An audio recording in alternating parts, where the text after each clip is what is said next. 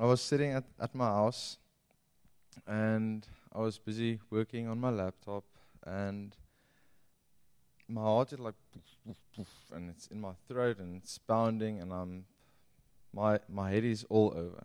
I'm having all these ideas and it's crazy ideas. It's weird ideas and it's exciting ideas. It's ideas that's fright, frightening um, to me and I'm sitting there and I, I'm working and I'm thinking about my day that's passed. I'm thinking about the day ahead. I'm thinking about the week, all the stuff that still needs to happen. And while I'm sitting there and all this stuff is going through my head, trying to work, all of a sudden I, I, I look up. We had weird weather this week. And I saw this mist all over. Uh, that was Thursday. For those of you who don't know, there was Cape Town like, was like flooded with mist. And some reason, somehow, I, I got it right to not see how the sun went away and the mist came all over. Like Table Mountain was covered, Lion's Head was covered, the whole city was actually just covered in in mist. And we are we are we are we're renting this nice, beautiful house in Tierberg, Tier, Tierberg Road, and it has this lovely view. So it was sunny, and here the mist comes, and, and I. I tried not to do this, but I missed it. it's a joke in my head like the whole week already. And like in the mornings, we, we, we go to work and we drive in our cars. Well, I don't drive on the N1, but a lot of us drive on the N1. We don't see the sunrise. We, we miss the sunrise. That, that one cloud on top of Table Mountain, we, we miss that. We don't see that. That the flock of birds flying together from one place to another. We, we miss that because our head is constantly, it's, it's busy with ideas and we're thinking about yesterday, we're thinking about tomorrow, we're thinking about next week, next month, we're thinking about our, our finances and it's crazy. It's like, and you miss everything around you. And that that evening, yeah, Thursday evening, my my parents was going to come and eat at our house, and I had to decide. Okay, I'm going to stop working. I'm not going to worry about my work anymore because my parents is coming over, so it's no no uh, need that I, I, actually worry about the work because they're going to be there. And if I worry about the work, I'm not going to be fully present with them. And so what I did was I decided I'm going to be with my parents. It's me, and my wife, and my parents, and we're going to have a lovely evening. So I put my laptop away, my parents came, and we, we had the fire going. We had a nice dinner. We had stories flowing. We laughed and we didn't cry because we don't really cry. We just laughed and told stories. And it was an awesome evening. Because not for one moment I thought about my work, not for one moment I thought about what am I going to do tomorrow or the cleaning of the dishes. We had coffee, we had dessert, and it was a good evening, and I didn't have to to to worry or anything because my parents know me. I could just be there with them, and of course my wife. Now tonight I'm reading to you this weird story, uh, Luke 10, from chapter 38 to 40, and it goes like this. As they continued their travel, Jesus entered a village. A woman by the name of Martha welcomed him and made him feel quite at home. She had a sister, Mary, who sat before the Master, hanging on every word he said. But Martha was pulled away by all she had to do in the kitchen. Later, she stepped in, interrupting them. Master, don't you care that my sister has abandoned the kitchen to me? Tell her to lend me a hand. The master said, Martha, dear Martha, you're fussing too much and getting yourself worked up over nothing. One thing only is essential, and Mary has chosen it. It's the main course, and it, it won't be taken from her. Now, Martha goes out to Jesus. She saw Jesus coming, and she's, she goes out to him and she greets them and welcomes them into the house and tell them, you know, you can take a seat or just be there. I'm going to go to the kitchen and I'm going to prepare you guys some food. And she's like so excited about Jesus and his disciples coming. And she's like the real best hostess. Please come in. And everything is perfect. I'm sure she knew Jesus was coming and she was tidying the house, cleaning the house, so that if they come, they will feel at home at this house. So they came in and, and she left them there and she went to the kitchen and she made food. Now, you should remember that in the good old days, we all have to remember the good old days. It was the ladies' place. The kitchen was the ladies' place. The women had to be in the kitchen. They had to prepare food. They had to um, cook dinner. They had to clean up. That was part of the good old days, right? And maybe it's still like that some places.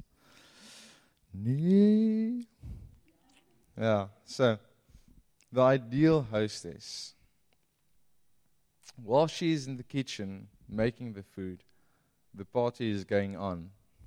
So you can put up that picture for me. So now you have Martha in the kitchen. I'm not sure how the houses look that day.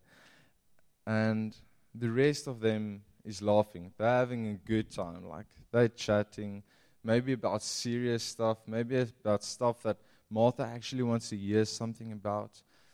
And suddenly, Martha is not so excited about being this perfect hostess anymore. She wants to be there. Or she wants Mary to come and help her in the kitchen because she doesn't want to be alone anymore. She doesn't want to serve them anymore because she is missing out on what's happening there. And from that thought forward, you don't have the perfect hostess anymore. You see a lady, a normal lady, doing all of these things just to be seen by Jesus. You see a person who is focused on, on performance, on recognitions. She wants to be recognized for the things she is doing. Her house is clean. It's the perfect place to have a party. There's lovely food, and you know, I made it all by myself.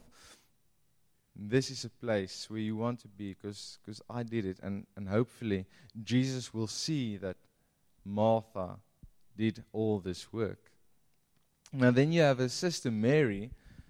Mary's in a total different world, whose, whose presence or the lack of presence started to to irritate Martha because she did absolutely nothing. Like Mary, I think Mary totally forgot about Martha. She was sitting there at Jesus' feet, at the feet of grace, and she couldn't care less about performing. She couldn't care less about being seen by Jesus. She couldn't care less about you know, I have to do all these things to impress Jesus. The only thing Mary did, what she wanted to be with Jesus at his feet, listening to what he has to say. Now, put me in Martha's place in that same situation, you would have gotten the same results. I mean, if if we have people over for dinner, me me and my wife know we have people over for dinner. All of these people is coming, and I'm just sitting there the whole night and having a good time with the people, and I'm making Millie do all this stuff. I'm gonna feel so guilty. I will I will never do that.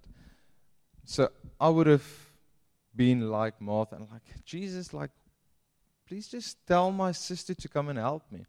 And and Martha opened her mouth, and, and Jesus didn't give her the reaction she asked for, right? It's totally different. His response Martha, dear Martha, you're fussing far too much and getting yourself worked up over nothing. One thing only is essential, and Mary has chosen it. It's the main course, and it won't be taken from her. Now, most of us, I think all of us, I can relate with Martha, this busy woman trying to do everything. We have thousands of stuff going through our head. We must do this and we must do that. You know, and, and you're sitting here and you're thinking, I'm listening to this word, but uh, school is starting tomorrow, so there's going to be traffic. I have to stand up a bit earlier to get to work on time. And maybe you have some deadlines you have to get to, so you're still going to have to work tonight at 8 o'clock to 11 o'clock, I don't know. Uh, so, so all of this stuff is going through your head and it's buzzing, it's buzzing, and, and maybe it's something much bigger that's bothering you at the moment, but your mind is busy. And while all of that is going on, while all of your thoughts is running wildly, Jesus is sitting there and he is a guest at your house and He's trying to just be with you in this moment. What happened between when Martha received Jesus at the house and preparing the food? Martha was busy preparing food looking at this party and she felt she's missing out there. She didn't focus on Jesus anymore. She lost her focus. She was excited about Jesus, the fact that he was coming, and then she lost focus. Her focus went from Jesus to her sister who is not helping her. Her focus wasn't anymore on, I am serving Jesus. Her focus was on, my sister is not helping me. I am doing this all on my own. And she couldn't understand why she had to do it alone. How often does this happen to us? We do all sorts of stuff every day. We work, we we meet up with friends, and we lose our focus. We take our eyes off Jesus. We forget why we do certain things, and I myself forget why I do certain things. We forget why we love. We forget why we serve, and we forget what life is, is all about. And, and people, you know, people don't always see the effort I put in. People don't give me the recognition that I think I deserve. You know, I was, I was working all night in this kitchen, and no one even recognized my hard work. I was sweating all night, and no one even said thank you. And we just keep ourselves busy every single day. You know, we just go on, on and on and on. And when trouble times comes, it's easy to just throw in the towel because we don't have reason. We lost our focus. We just throw in the towel. So I don't care. I don't worry anymore. I lost my focus. We perform our best, but still we see no raise of salary at the end of the month. There's nothing. No one is thankful for my work. And the more I read this story and the more I, I, I said this to myself, this Hebrews 12, verse 2 came up. He says, Keep your eyes on Jesus, who both began and finished this race we're in. Study how he did it, because he never lost sight of where he was headed. That exhilarating finish in and with God. He could put up with anything along the way cross, shame, whatever, and now he's there in the place of honor right alongside God. And Jesus didn't react like Martha wanted him to. He doesn't always react like we would want him to. I'm sure G- Jesus didn't have a problem with Martha serving because Jesus is all about serving. He loves it when we serve, but He loves it when we serve with a pure heart. He loves it when we serve not to get someone else's recognition, which we do most of the time. He loves it when we serve just to, you know, just to give something, just to be in the moment, because it's it's my honor to serve you. It's my honor to be Jesus' hands and feet to you. And you know what? If you're not thankful, it's fine. And if I don't get recognition, it's fine. My focus is on Jesus. And I want to be his light. I want to be his hands and his feet. Martha wanted recognition. She didn't serve him with a pure heart. And me and you, we don't always know people's hearts. That's a difficult thing. So if someone serves them, you can't judge. I can't judge. If you serve me, I'll say thank you. And that's it. If you did it to get recognition, you did it to get recognition. That's for you to figure out. Mary wanted to learn, and Jesus knew that. That's why Jesus wasn't going to scold or rebuke Mary. He knew Mary was sitting there to learn. Mary was open at his feet. His words spoke life to her. She was, wow, Jesus is here with me. And I just want to sit at his feet. And I just want to be with him.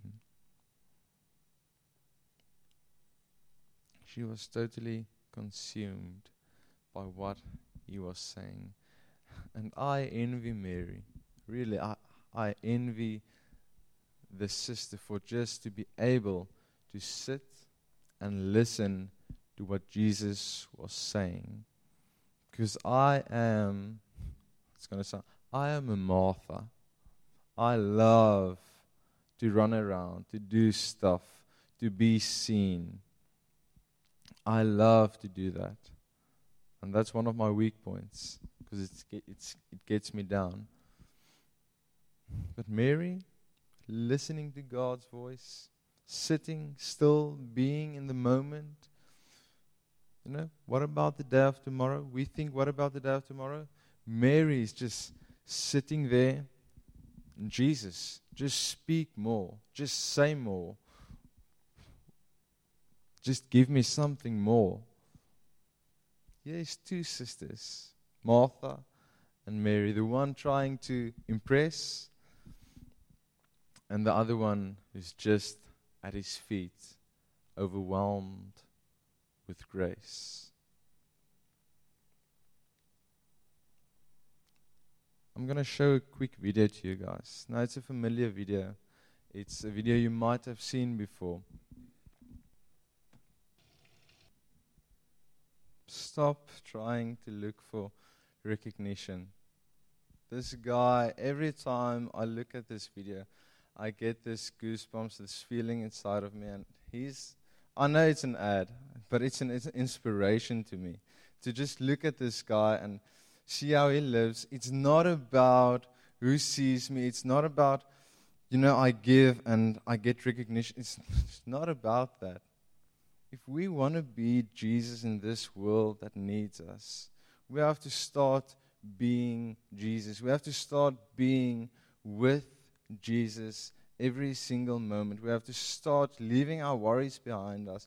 We have to start not to worry about what people think and just give.